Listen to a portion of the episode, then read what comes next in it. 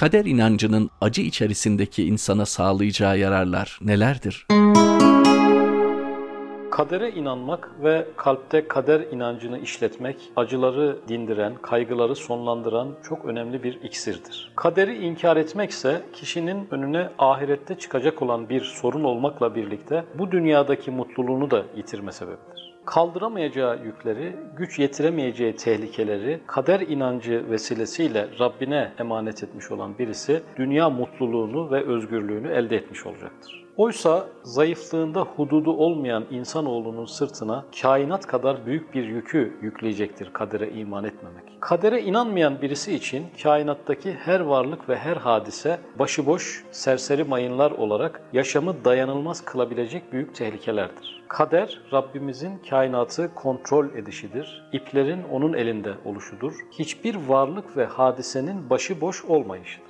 Kadere iman etmemek, insanın bu zayıf haliyle bu sonsuz kainatı kontrol etme kompleksidir. İşte bu sebeple kadere iman etmemek, insanın kendisine yapabileceği en büyük eziyettir. Kaderi hep bir musibetin yazıldığı dakikada başa gelmesi olarak tanımlarız. Ancak kaderin asıl fonksiyonu o dakikada bir problemin yanlışlıkla bize isabet etmesinin imkansızlığıdır. Tirmizi'de geçen bir hadis-i şerifte kul kendisine isabet edecek olan bir şeyin kendisini atlamayacağına, kendisini atlayacak olan bir şeyin de ona isabet etmeyeceğine inanmadığı müddetçe gerçek iman etmemiş olacağı ifade edilmektedir. Kader Allah'tan izin almamış hiçbir şeyin bize isabet etmeyeceğinin en büyük garantisidir. Kullen yusibene illa ma keteballahu lene buyurulmaktadır Kur'an-ı Kerim'de.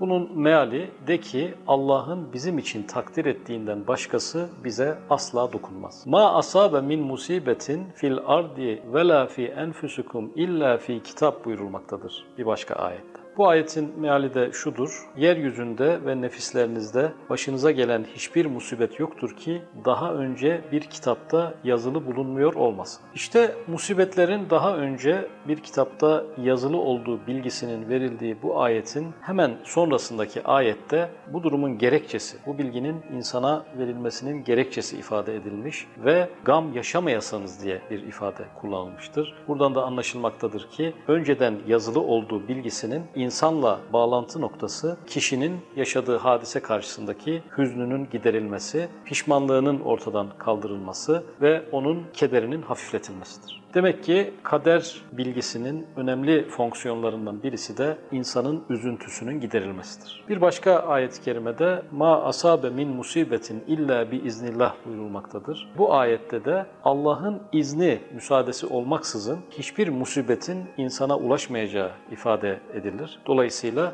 bir önceki ayetlerde bir kitapta yazılı bulunmakla insanı teselli eden Kur'an-ı Kerim musibetlerin bu kez Cenab-ı Hakk'ın izni haricinde başa gelmediği edildiğini belirterek yine insan için ayrı bir teselli kaynağı oluşturmaktadır. Tirmizi'de geçen bir hadis-i şerifte Efendimiz Aleyhisselatü Vesselam İbni Abbas'a bir nasihatte bulunur ve şöyle der, yavrucuğum bütün insanlar bir araya toplansalar Allah'ın senin için takdir etmemiş olduğu bir zararı sana dokunduramazlar.